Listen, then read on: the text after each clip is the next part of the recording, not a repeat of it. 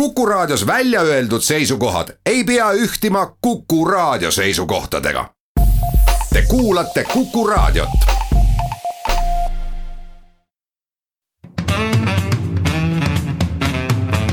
muuli ja Riikoja tere päevast, head kuulajad, kell on kaheksa minutit üksteist läbi, et on reedene päev, siis loomulikult ka saate Muuli ja Riiko ja aeg ehk Kalle Muuli ja Hindrek Riiko on stuudiosse tulnud. tere päevast.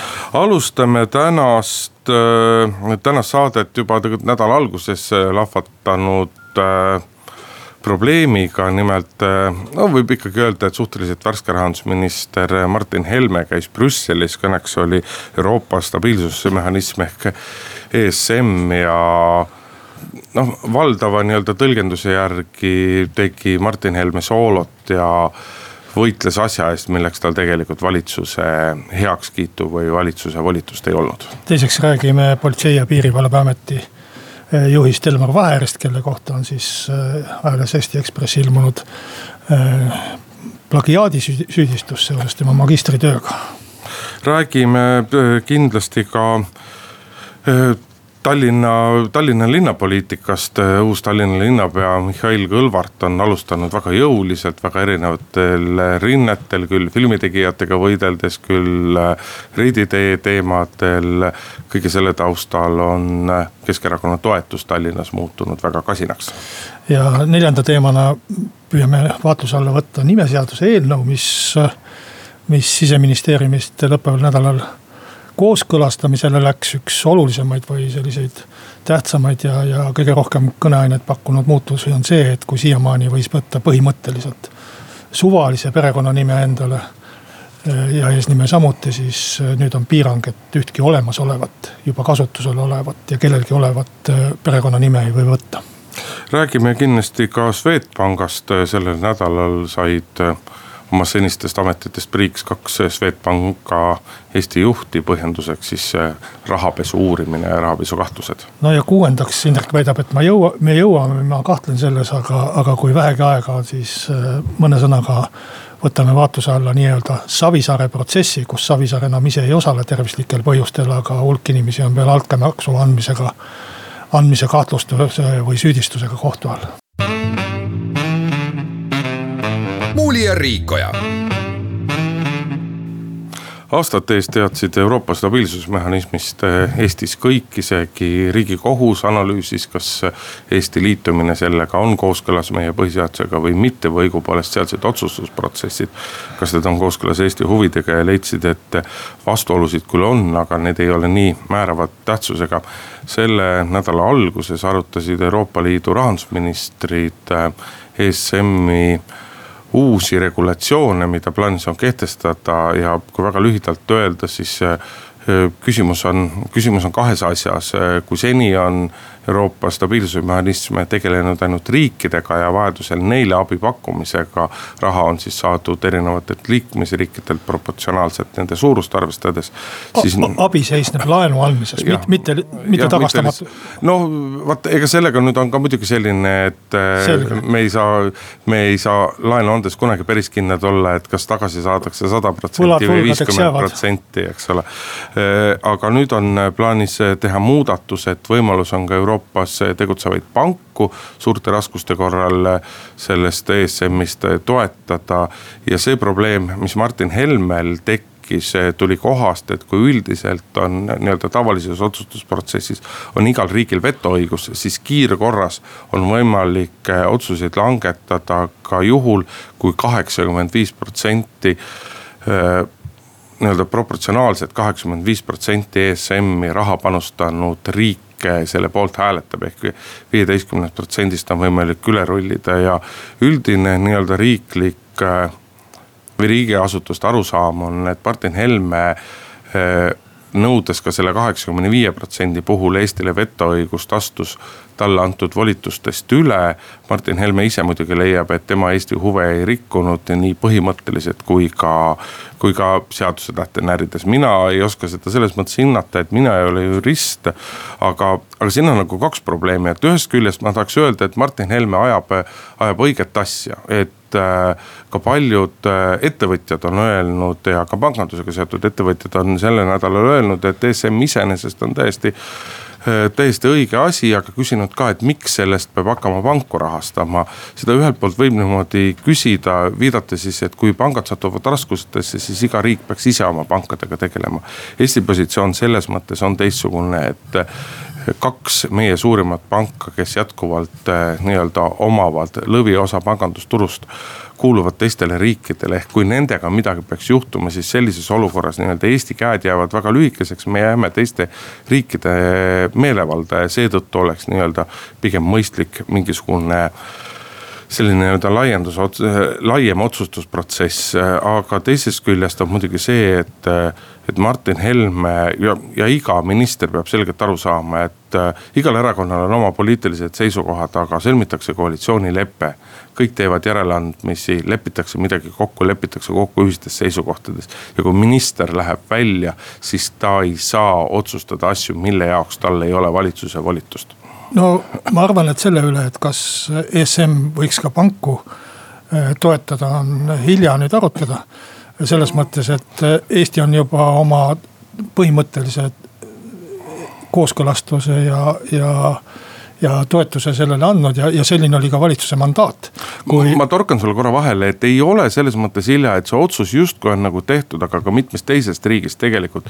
viimase paari nädala jooksul on kriitilisi noote, kriitilisi noote kõlanud ja ega ei, siis ka Euroopa Liidus ei ole ükski asi lõpuni kivisse raiutud. valitsuse ja, ja ELAK-i mandaat oli selgelt ju, et Eesti toetab seda. ei, ma seda tean, aga ütleme. aga et, et selles mõttes nagu see otsus oli tehtud juba enne, kui Martin Helme üldse üldse Euroopasse läks ja seda ta läks ka esindama ja ta ise ei vaid- ja ta, ta ei, ta ei ka esindanud midagi muud, ta, ta esindas toetamist, aga. aga see, milles ta ütles, mida, mille osas tal siis äh, tekkis eriarvamus, on just nimelt see vetoõigus. ja tõesti, see SM-i süsteem on ehitatud ju nii et Eesti ongi seal oma raha osakaalu vastava, vastava, raha osakaalule vastava häälte hulgaga. ja see on imepisike, meie jaoks on see suur summa, aga kogu ESM-i ja Euroopa mõttes on see imepisike summa, et Euroopa struktuurides ja organisatsioonides üldiselt ei ole nii, et väikesed riigid ongi ainult oma osakaaluga. Nende osakaalu tavaliselt võimendatakse, noh. kõige lihtsam näide võib-olla on äh, Euroopa Parlament, et kui me seal oleksime vastavalt oma rahvaarvule. siis meil oleks seal mingisugune umbes kaks esindajat, aga tegelikult on kuus, eks ju. Euroopa Komisjonis on igast liikmesriigist üks volinik, olgu kui suur või väike see liikmesriik tahes. ja, ja, ja nii edasi ja nii edasi, aga ESM-is olemegi imetühised, sellepärast et meie raha osakaal on väike ja seal ei ole kuidagi seda väikeste riikide osakaalu võimendatud. ja, ja noh, siiamaani üldreeglina on pühi, püsi, püsinud see siis vetoõigusel, ühehäälsusel. nüüd, kui läheb mingi selle peale et, et kaheksakümmend viis protsenti hääli otsustavad asja ära. siis tegelikult tekib olukord, kus Saksamaal on kõiki otsuseid võimalik äh, blokeerida kuna nende osakaal on kakskümmend seitse protsenti ehk üle selle viie, viieteistkümne, mis seal vaja on. Aga ja, aga otsuste vastuvõtmiseks piisab ainult kuuest suuremast riigist, ülejäänud väiksed on nagu prügikalad ja ei, ei pääse üldse nagu löögile. et sellepärast ma olen sinuga nõus, et Martin Helme võitles õige asja eest, ainult ta tegi äh, mõned protseduurilised vead. vormistus oli vale. Äh, ja noh ja, ja kui sa ütlesid siin, et ta arvab ise, et ta tegi õigesti, siis tegelikult äh, mina olen küll lugenud uudiseid, et ta tunnistas, et tegi, tegi vea.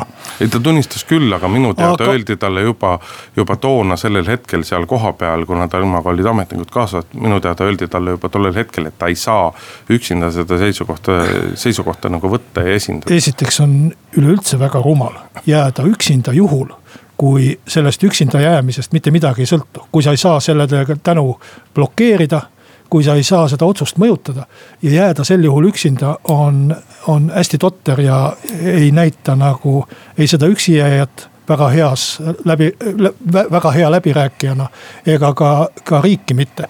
aga teiseks on, on olemas veel üks protseduuriline viga, mille ta tegi. ja see on see, et meil on olemas tegelikult täiesti avalik raamat Ministri abimees see jagatakse igale uuele ministrile ja see võiks tegelikult ajakirjanikel ka olla, siis nad teavad, kuidas valitsus töötab. meil ei ole kaameraid stuudios, aga Kallel on see kaasas, kuigi tema on kõigest ministri ja nõunik. ja siin on äh, ka kirjas see, kuidas, äh, kuidas ja see ei ole AK ega mingi salajane dokument, see on vastupidi täiesti avalik. et et siin on ka kirjas, kuidas Euroopa Liidus, valitsus Euroopa Liidus asju ajab. ja leheküljel viiskümmend üks on kirjutatud. Eestis välja kujunenud tava kohaselt peab ministril vastuhääle andmiseks või erapooletuks jäämiseks olema selge valitsuse mandaat kui sellist er-, mandaati ei ole, tuleks ministril ületamatu eriarvamuse korral mitte hääletada ehk hoiduda hääletamisest. et seda Martin Helme ei teinud ja ta oleks pidanud siis konsulteerima kas peaministriga või valitsusega või kuidagi.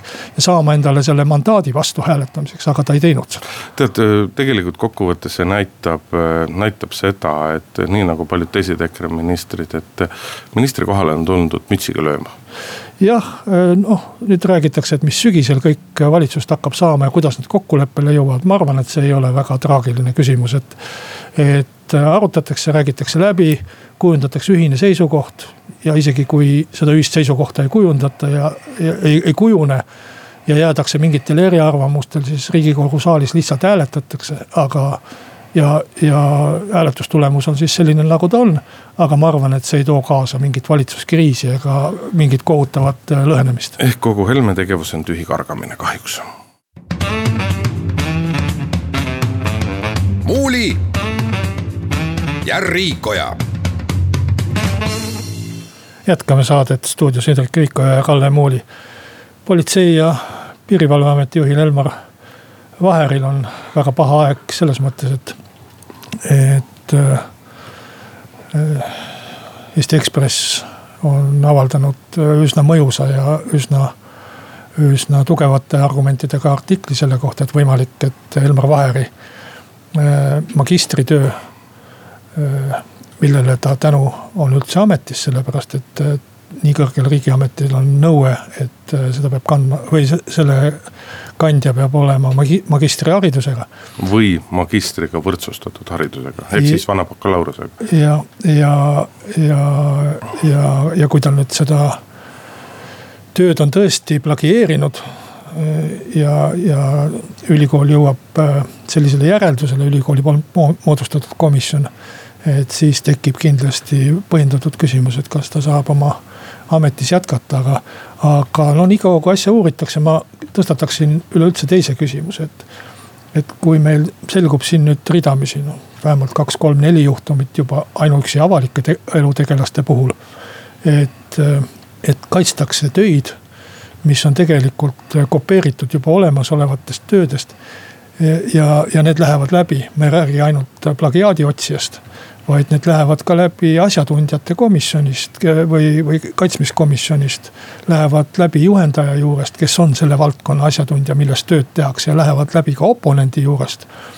et mis on siis nende tööde väärtus või, või mis on nende, nende tööde tegemise mõte, kui tegelikult isegi selle valdkonna inimesed ei saa aru, et see töö ei lisa midagi uut, mingit uut väärtust, mingit uut teadmist ei tooda. mida tegelikult ju oodatakse, et neid magistritöid ja, ja teadustöid ei tehta ju sellepärast lihtsalt, et oleks mingi töö tehtud, et sellel peaks ju mingisugune väärtus meie meie elule ja, ja täiendusel olemas. ma ei taha nüüd ütelda, et teadust ei pea rahastama, üldse, üldse see lihtsalt praegu turgatas mulle see absurdne seos äh, pähe.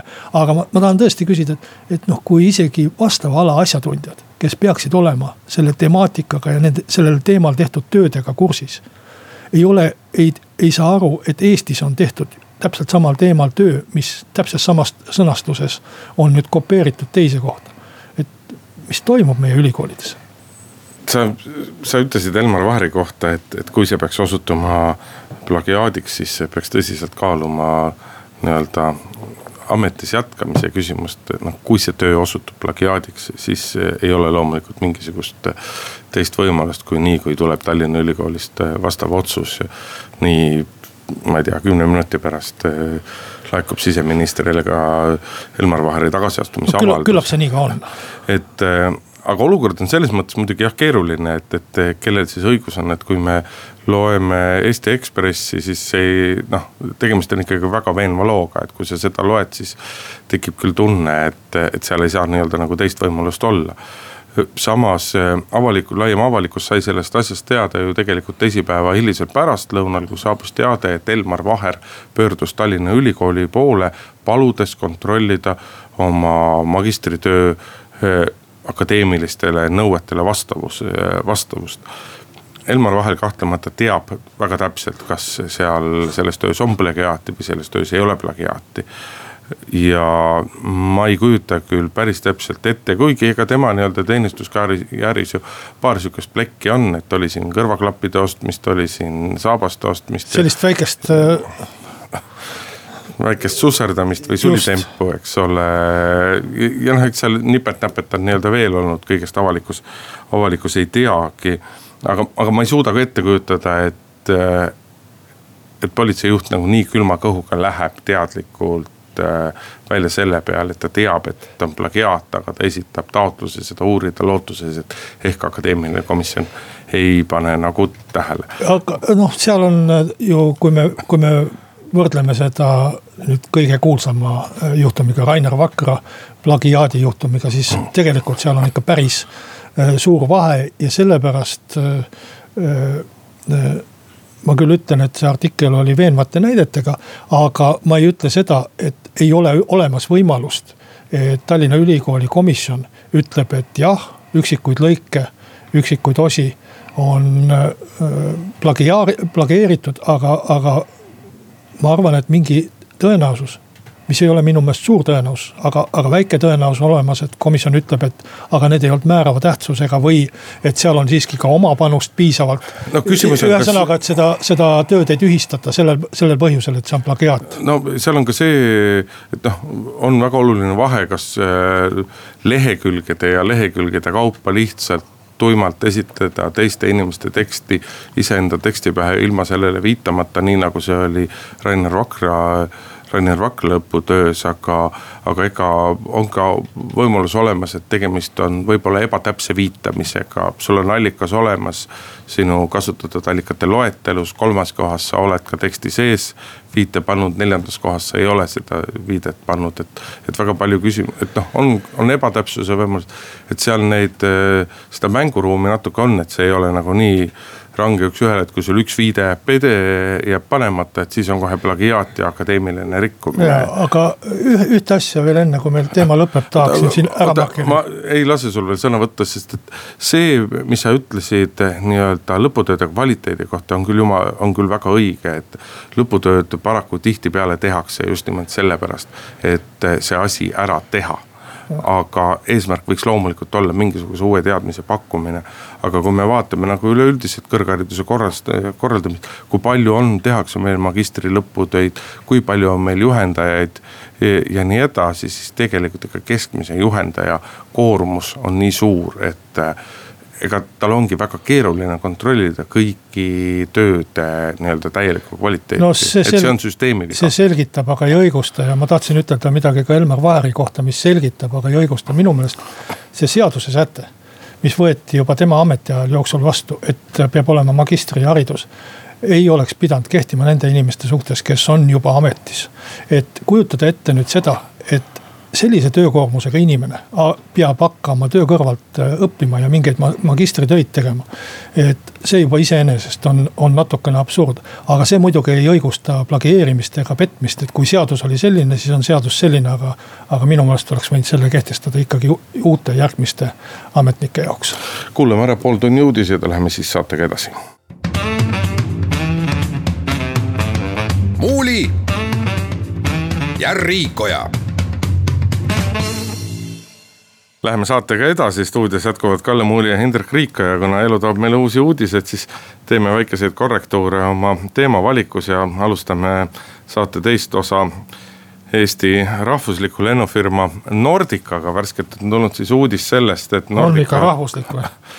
no, noh on. äkki riiklik riiklik et Nordica lõpetab oma nime alt lendamise ja sulgeb veel viis liini, mis tegelikult tähendab seda, et Nordica Eesti lennufirmana lõpetab tegevuse ja tänasele ja, ja pärast seda ei ole küll enam mitte mingisugust põhjust, miks riik peaks omama lennukeid teise ettevõtte alt. ja miks riik seda lennufirmat omama peaks ja tegelikult peavad endale väga tõsiselt otsa vaatama nii vastava ala ametnikud, ministrid kui ka Nordica juhid, sest et olemuslikult on see ikkagi täiesti, see on see, see on, see on täiesti jabur, et meil kõrval lätlaste Air Baltic suudab edukalt toimetada mitte ainult Riiast, vaid suudab juba mõnda aega. aga äkki, sel, äkki, äkki mahus... sellepärast me ei suudagi, et nemad suudavad väga edukalt. Aga noh, siis tuleks õppida ja siis tuleks vaadata, et kui nemad suudavad, siis järelikult peaks see ka olema ka meil võimalik, nii et küsimus jääb ikkagi juhtimisoskuste, teadmiste ja veel mingisuguste asjade taga. aga see on ikkagi, no sisuliselt on Nordicat tabanud Estonian Airi saatus ja sellest on väga kahju, sest et majanduslikus mõttes Eesti riik eh, päris kindlasti kaotab sellest. noh, kui me võrdleme nüüd Nordicat eh, eelkäijaga, ehkki ta juriidilises mõttes ei olnud eelkäija. aga sisuliselt. eelmise riikliku lennufirmaga siis, et siis äh, ma pean ütlema, et, et eelmisel korral tehti selgeid nii juhtimisvigu kui ka vigu Euroopa Liiduga suhtlemisel riigiabi küsimuses. et, et mitte, mitte ütelda enamat. aga praegu, kui ma Nordicat vaatan, siis minu meelest nagu pingutati küll täiega. Et nii eelmise juhtkonna ajal, selle juhtkonna ajal ei, ei oska ka välja tuua väga suuri mingisuguseid lollusi, et oleks, oleks tehtud mingeid kohutavaid vigu üritati parimat ja minu meelest nagu, nagu ka parimal moel. et ma pigem vaataks küll seda asja sellise pilguga. et äh, äkki siin ei olegi võimalik riiklikku äh, väikest lennufirmat pidada, ilma et riik sellele peale maksaks ja ilma, et riik seda toetaks, et sellist enesega hakkama saavat ja, ja väikses kasumis olevat Äh, firmat äkki meie, meie turu ja meie lennundusolude puhul ei olegi võimalik. noh, siis oleks võinud muidugi või, või võid sa ütelda, et siis oleks võinud seda ette näha ja mitte teha seda, aga aga eks meil ole ikkagi millegagi vaja lennata ka kuidagi. no ma siiski tuletan meelde ka seda, millest me siin saates oleme ka varem rääkinud, kes Estonian Air hingusele läks ja Nordica loo, loodi, siis äh, nii-öelda poliitilisel tasemel räägiti väga aktiivselt sellest, et. me peame tegema Euroopa Liidus aktiivset lobitööd selle nimel, et Euroopa Liidus saadakse aru, et me ei saa võrrelda Eestile, me ei saa ühtede reeglite alusel ei saa tegutseda Eesti lennufirma ja Saksamaa lennufirma või Prantsusmaa lennufirma. aga kõik need arutelud, kõik need mõtted, kõik need on täiesti soiku jäänud, see teema on justkui täiesti nii-öelda nagu ära unustatud, et siin on ka nii-öelda ikkagi noh, riigi ja poliitikute poolt on ikkagi ka üksjagu palju tegemata jätmisi selleks, et, et nii-öelda kaasa aidata sellele. aga noh, kahju, väga kahju. Taavi Aasal majandusministrina on nüüd päris hulk tegemist Ida-Virumaa probleemid, rongide probleemid ja, ja nüüd takkapihta veel lendamine ka. ma arvan, et, et valitsus peab hakkama midagi, midagi toimetama, hoolimata sellest, et noh, firma iseenesest ei ole ju pankrotis. muuli ja Riikoja Läheme edasi Tallinna teemadega. Tallinna veel suhteliselt värske linnapea Mihhail Kõlvart on hoolimata lühikesest ametiajast jõudnud väga paljuga hakkama saada ja eks kõige rohkem ka linnavalitsuses endas öeldakse, et kõige suurem muudatus on juhtimisstiilis, Kõlvart on väga jõuline. Kõlvart on väga iseseisev, ta on läinud konflikti päris paljude nii-öelda ametnikega, neist nii-öelda kõige viimane uudis on, on sellest, et et lahkub äh, Tallinna peaarhitekt, kes ju ka otsesõnu kinnitab, et lihtsalt äh, tema nägemus ja Kõlvart, et, et see nägemus, mille järgi viimased viis kuni kümme aastat on toimetatud, on sootuks teistsugune kui Kõlvarti nägemus, äh, kes nii-öelda teisi nägemusi enda kõrvale ei salli. mina tõstataks selle peale küsimuse, et kui me vaatame viimaseid reitinguid Keskerakond pani Kõlvarti äh, linnapeaks ja andis Kõlvartile väga, väga suure vabaduse tegutseda ja toimetada ja erakonna poolt vaadates oli sellel nii-öelda üks ja selge eesmärk. Kõlvart peab taastama nii-öelda Keskerakonna liidripositsiooni Tallinnas ta peab veenma venekeelseid valijaid Lasnamäel selles, et hoolimata koalitsioonist EKRE-ga ikkagi Keskerakond ainsana seisab nende eest. aga kui me vaatame viimaseid arvamusküsitlusi, siis Keskerakond on kohati kukkunud Tallinnas populaarsusest neljandale erakonnale. ja Kõlvarti selline nii-öelda väga jõuline ja väga kompromissitu juhtimisviis kindlasti ei aita kaasa sellele, et Keskerakonna positsioon paraneks ja ma arvan, et sa teed äh, järeldusi liiga vara, et äh, eks äh, kui sa poliitilises mõttes ja reitingu mõttes siis mõtled, siis Sihikulale on ikkagi järgmised kohalikud valimised. ja, ja ütelda, et linnapea töö nüüd ühe kuu jooksul peaks kõike seda muutma, mis on nagu pika aja jooksul teinud, et ma arvan, et, et reitingu mõttes on kindlasti järelduste tegemiseks aega veel küll ja küll. ma ei pea silmas mitte tema tööd, vaid tema juhtimisstiili, ega see ei muutu, see on tema loomuses ja, olemuses. et äh, igal inimesel oma stiil ja see ei ole, see on nagu rohkem selline äh, asutuse või linna, linnavalitsuse sisemine äh, mure ja probleem, aga ma tahtsin ütelda ühe märkuse, mille, mis nagu võib-olla üldiselt Keskerakonna kohta käiks, et kunagi, kui Isamaa ja sotsid äh, kutsusid Keskerakonna valitsusse, siis me rääkisime ka seda, et me tahaksime, et Keskerakonnast saaks normaalne erakond. mis ei ole nii, et on ainult ühe rahvusrühma erakond, kus ongi nii et, et sada protsenti venelasi kõik on Keskerakonna toetajad. et ka vene kogukond jaguneks normaalselt teiste erakondade vahel. nüüd, kus see on juhtumi, juhtumas ja, ja minemas ja minu meelest on täiesti positiivne areng see, et aga ega ma ei ole ka vastupidist väitnud. aga, aga ma nagu ajakirjanduses tunnen sellist äh, hoiakut või sellist tunnet, sellest kirjutatakse niiviisi, nagu see oleks mingisugune kohutav läbikukkumine. või see oleks nagu kohutav õnnetus, et venelased enam ei toeta Keskerakonda, minu meelest on see väga hea. aga, aga. ma ei vaidle sinuga selles mõttes selleks... vastu, aga Keskerakonna jaoks on see läbikukkumine ja ma rääkisin just nimelt võtmes, kuidas Keskerakond sellele peaks Keskerakond lähema. Äh, muutub tänu sellele normaalsemaks erakonnaks, et, et ta ei ole mingisugune rahvuspartei Vene Rahvuspartei. no ega ta ei olnud siiski ka nüüd Vene Rahvuspartei ei olnud ta ka varem, et tal on ikkagi eestlaste seas olid tal ka kogu aeg aga, väga tugev toetus ja ka seda on. aga ma olen nõus, äh, nõus sinuga selles, et ega Kõlvart nüüd selle nimel ei, ei tööta, et äh, venelaste seas populaarsust vähendada. aga kui me räägime siin konkreetsest äh, loost selle suure filmimisega Christopher Nolan ja, ja, ja Hollywood ja muud asjad kus on äh, Kõlvartile ette heidetud sellist äh, jõulist läbirääkimisstiili. noh, et kui te minu linnas filmite, siis te filmite nii nagu mina tahan või, või ei filmi üldse. et äh, siis ma ütlen, et väga õigesti teeb. linnavalitsus ja linn ongi need, kes vastutavad liikluskorralduse eest. et see ei saa nii olla, et kas mingid filmimehed või mingid spordimehed või mingid muud mehed, näiteks teetöölised tulevad ja hakkavad ütlema, kuidas linnas liiklus peab olema korraldatud ja millal me sulgeme Laagna tee ja millal me sulgeme Pärnu maantee. et kui Hollywood tuleks ja ütleks, et me tahame Kuku raadios stuudios filmida, siis sa ütleksid ka, et hüva, filmige, aga ainult siis, kui või nendel tingimustel, kui ma ütlen, sest sina oled siin peremees ja sina vastutad selle eest, et äh, saade Indrek Riikoja ja Kalle Muuli läheksid eetrisse.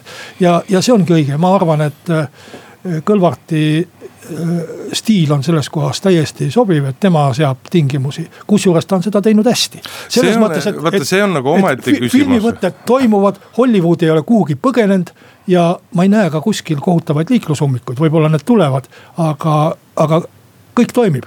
ummikud kindlasti tulevad, noh see filmi, filmisaaga, see on muidugi omaette teema, sellepärast et kui rääkida nagu osade linnaametnikega, siis nemad ütlevad, et nemad ei saa üleüldse sellisest. sellisest paukumisest, plärtsumisest aru, sellepärast et Nolandi tiimiga on ammu räägitud, ammu juba läbirääkimisi peetud, kõik on olnud väga konstruktiivne. et juba siis, kui Taavi Aas oli linnapea käidi rääkimas, ehk tegelikult nii-öelda on algusest peale selge olnud, et need asjad lähevad umbes nii. nagu praegu äh, Kõlvart ütleb, et tema on nagu välja võidelnud, et ja, ja nad küsivad, et noh, miks sellises olukorras on vaja niimoodi plärtsuda. aga eks seda keeruline on öelda, sest et keegi me ei ole näinud äh, mida on filmijad taodelnud, eks ole, ja, ja, ja, ja mida nad nüüd siis saavad, et, et no, kus see nii-öelda nagu tõde tegelikult on. igatahes võt-, filmivõtted toimivad ja liiklus ka toimib ja selles mõttes, et ma no liiklusega me siiski juulis saame siin-seal ikkagi näha üksjagu peavalu. on, on asjad üsna normaalsed, mida ma küll tahtsin ütelda, et, et viimased kümme või viisteist aastat sa ütlesid, et oli teistmoodi stiil ja arhitektidele see uus stiil ei meeldi et. et no arhitektid mina, mina räägivad usu, siiski mitte stiilist vaid vaates sellele, milline see linnaruum on. mina ei usu, et see, milline oli Edgar Savisaare äh, vaade linnaasjadele, eriti tema kohtuprotsessi valguses ja, ja kuidas äh, ehituslubasid ja igasuguseid arhitektuuri asju korraldati siin äh, noh, kas nüüd tõestatud või veel tõestamata altkäemaksude abil. et see oli nüüd parem stiil kui Kõlvarti suhteliselt sellises jõulises maneeris väljendatud seisukoht. see oli täpselt samasugune stiil. see oli mu meelest ikka palju hullem. muuli ja Riikoja. jätkame saadet. Swedbankis toimusid lõppeval nädalal päris äkilised äh, kaadrimuutused. nõukogu esimees siis vahetas või nõukogu vahetas siis välja äh, Swedbanki Eesti üksuse juhi Robert Kitti ja finantsjuhi Vaiko Tammevälja. noh, formaalselt või ametlikult nad on, on, nende volitused on peatatud. Äh, aga, aga uued inimesed on asemele määratud ja, ja, ja noh, eks see sisuliselt ikkagi vallandamist tähendab, no küsimus on nüüd või arutelu koht on see, et kas ja kuivõrd äh, nad Swedbankis toimunud rahapesus on süüdi ja, ja, ja kas see tegevus oli seal nende teadlik või nad olid mingisuguses hooletuses või ettevaatamatus või mingis muus äh, situatsioonis. et, et seda, seda me ei tea ja me ei tea, milline see Swedbanka sisejuurdlus või milline see Swedbanka sisejuurdlus on viinud, mida, mida seal on avastatud ja kas on üldse midagi avastatud. aga noh, sellest käigust võiks siis järeldada, et ikkagi, ikkagi mingit, kas sellist eh, promo aspektist profiiti püüab emapank nende vallandamisest lõigata. või on tõesti siis neil mingisugune reaalne Äh, reaalne süü. no samas saab ütelda, et eks emapank ole vangerdanud või inimesi lahti lasknud ka, ka, ka keskuses, et. Äh, see, seesama nõukogu on ju uus, kes, kes äh, tegutseb ja, ja, ja Brigitta Bonnesen oli vist üks esimesi, kes kes hundipassi sai. no just nimelt siin on üritatud jätta muljet, justkui nii-öelda jälle eestlasi pannakse tanki, eestlasi pannakse tanki, et selles mõttes Swed on küll öö, teistsuguse skeemiga, et emapanga nõukogu vahetati välja, emapanga juht vahetati välja, et, et ei ole ühte ainult eestlased tanki pandud. vana laul, mida ma ka siin juba korduvalt olen öelnud, et kõige selle puhul ikkagi tekib see tunne ja, ja väga paljud ka nii-öelda asjatundjad on selle tähelepanu juhtinud, et me ei saa isegi ka nelja-viieaastaseid taguseid asju, kui regulatsioonid olid teistsugused, nii-öelda mõõta tänaste reeglite ja tänase puu järgi, aga aga see Swedi käitumine näitab, minu arust see näitab nii seda, et üritatakse nii-öelda tegeleda oma mainega, kui ka seda, et midagi tegelikult ikkagi halvasti oli. ja selge see, et kui tuleb välja, et tõesti oli mingeid suuremaid rikkumisi, siis Swedbankil on palju lihtsam sellest üle saada, kui ta näitab ette konkreetseid samme, mida ta teinud on. teine asi, mida ju ka Swedis oodatakse, on see, et kas finantsjärelevalvelt on oodata Swedile mingisuguseid trahve või mitte ja siin nii-öelda spekuleeritakse väga suurte trahvide üle, et selles mõttes see panga seis on kahtlemata keeruline, aga see kindlasti ei tähenda seda, et Swedbank kuhugile kaob ja. et Swedbank ka Eestis oma nii-öelda liidripositsioonilt pangandusest niipea lahkuma peaks. mina ka ei jaga seda vaadet, et oh, Eesti pangajuhid ei puutu üldse asjasse. et neile tehakse hirmsasti liiga et see kõik leidis aset nendes pankades ja nad äh, asutuse juhina kindlasti vastutavad selle eest, mis pangas toimus, ükskõik, kas nad teadsid seda ei, või, või, või ei teadnud seda.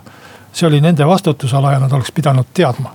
ja, ja rääkida seal, et reeglid olid teistsugused, ma arvan, et keegi äh, ei, ei eelda seda, et nad peaksid täna, oleks pidanud kümme aastat tagasi tänapäevaste reeglite järgi juhtima. no kui ajakirjandust osaliselt vaadata, siis ajakirjandus küll justkui eel,. küllap neid asju, asju vaadatakse ikkagi nii kriminaalasjades kui ka, kui ka panga sisejuurdlustes, et kas täideti tolleaegseid reegleid ja kas, kas eh, oli seal eh, mingisuguseid tolleaegsete reeglite rikkumisi.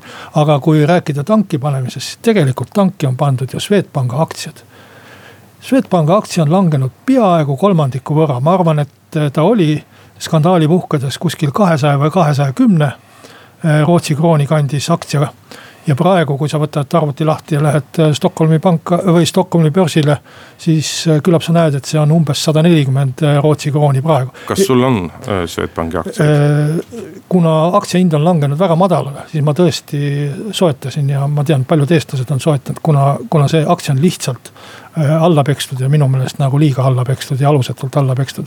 aga, aga kindlasti ma ei oleks soetanud kahesaja kümne pealt seda aktsiat, aga, aga, aga noh jah, see taustaks on oluline mainida oma, oma seost, aga ma ütlen, et mina ei ole kaotanud sealt sentigi, aga, aga need Swedbanki aktsiad, kes skandaali puhkedes olid aktsionärid, need on ju kaotanud tohutu raha.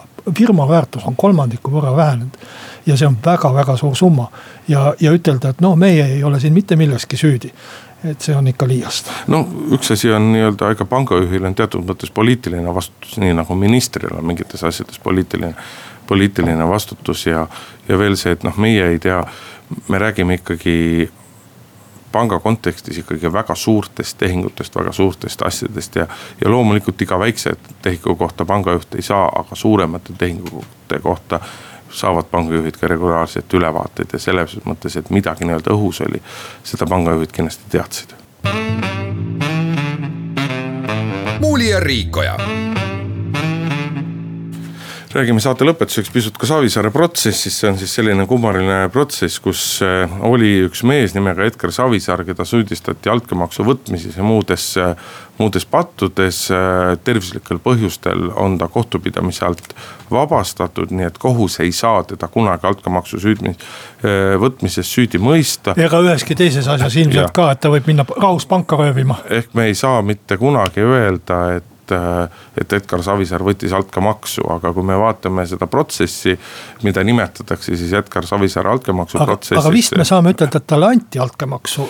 no vot, ma tahangi selleni jõuda, et kui me seda protsessi vaatame, siis, siis järjest tuleb siin välja selle, seda, kuidas äh, sellel nädalal siis suurettevõtja Hillar Teder tunnistas, et tema andis, aitas Keskerakonda Edgar Savisaare teadmisel varjatult äh, rahastada ta, ta tunnistas oma tegu, ta nõustus sellega, et ta peab maksma riigile kakssada tuhat eurot ja prokuratuur selle eest lõpetas oportuniteedi põhimõttel tema osas eh, kohtupidamise. Edgar Savisaare juhitud Keskerakond on sellel nädalal teatanud, et eh, nad tahavad minna prokuratuuriga kokkuleppele, tunnistada oma viga ehk, ehk, ehk järjest ja järjest protsessi osalised tunnistavad, et nad on kas Keskerakonnale, Keskerakonna suhtes eh, või suhetes Keskerakonnaga täit-, käitunud ebaseaduslikult või siis suhetes Edgar Savisaarega käitunud ebaseaduslikult. Villu Reiljan ju tunnistas, et ta aitas vahendada altkäemaksu andmist Edgar Savisaarel ja nii edasi ja nii edasi ja nii edasi. ehk kõik tüürib selle poole, et me et me saame portsu, portsu inimesi, kes on tunnistanud altkäemaksu andmist. aga altkäemaksu võtmises Edgar Savisaar. Edgar Savisaar sõnaselgelt isegi väljendas, et ta ei võtnud äh, ka Hillar Tederi juhtumi puhul pärast seda, kui Hillar Teder oli äh, seda tunnistanud. ja lubas Hillar Tederi kohtusse anda. et altkäemaksu tuleb ikkagi anda niiviisi, et inimene saaks aru et see on altkäemaks ja ta, ta võttis, ütleks. see on õpetuseks järgmistele poliitikutele. jah, aga no võib-olla Edgar Savisaar oligi nii süüdimatu juba tol hetkel ja kohtukõlbmatu. et ta tõesti ei saanudki aru, mis nagu toimub, aga mulle meenub, et äh, Eesti kriminaalajaloos see ei ole siiski esimene juhtum, kus altkäemaksu anti, aga ei võetud. et mulle meenub üks, äh, üks kohtunik ja üks advokaat mida kaitsepolitsei veel filmis, kus. Äh, Maria Mägi oli advokaat ja kohtunik, äh, äh, vabandust, Monika Mägi. jah, need nimed ei ole olulised, mul on kohtuniku nimi ka meeles, aga las ta olla. aga et seal filmi peal ja see oli kaitsepolitsei poolt filmitud, kuna kohtunik teadis, et kaitsepolitsei filmib ja ilmselt tegi kaitsepolitseiga koostööd. siis situatsioon nägi välja niiviisi, et advokaat, kuna kohtunik ei võtnud altkäemaksu vastu, siis advokaat toppis raha kohtunikule kampsuni alla sõna otseses mõttes andmine oli, aga võtmist ei olnud, äkki oli Edgar Savisaarel samamoodi, et äh, topiti kuskile, ma ei tea, särgi alla või püksi või? et võtmise liigut-, liigutus on see, et kas käed puudutasid raha või mitte, et teised kehaosad ei loe. Aga... teoreetiliselt oleks võimalik mitte võtta. aga siinkohal tõmbame tänasele saatele joone alla, Kalle Muuli, Hindrek Riikoja olid stuudios, kaunist jaanipäeva, kaunist võidupüha ja nädala pärast kuuleme jälle Muuli ja Riikoja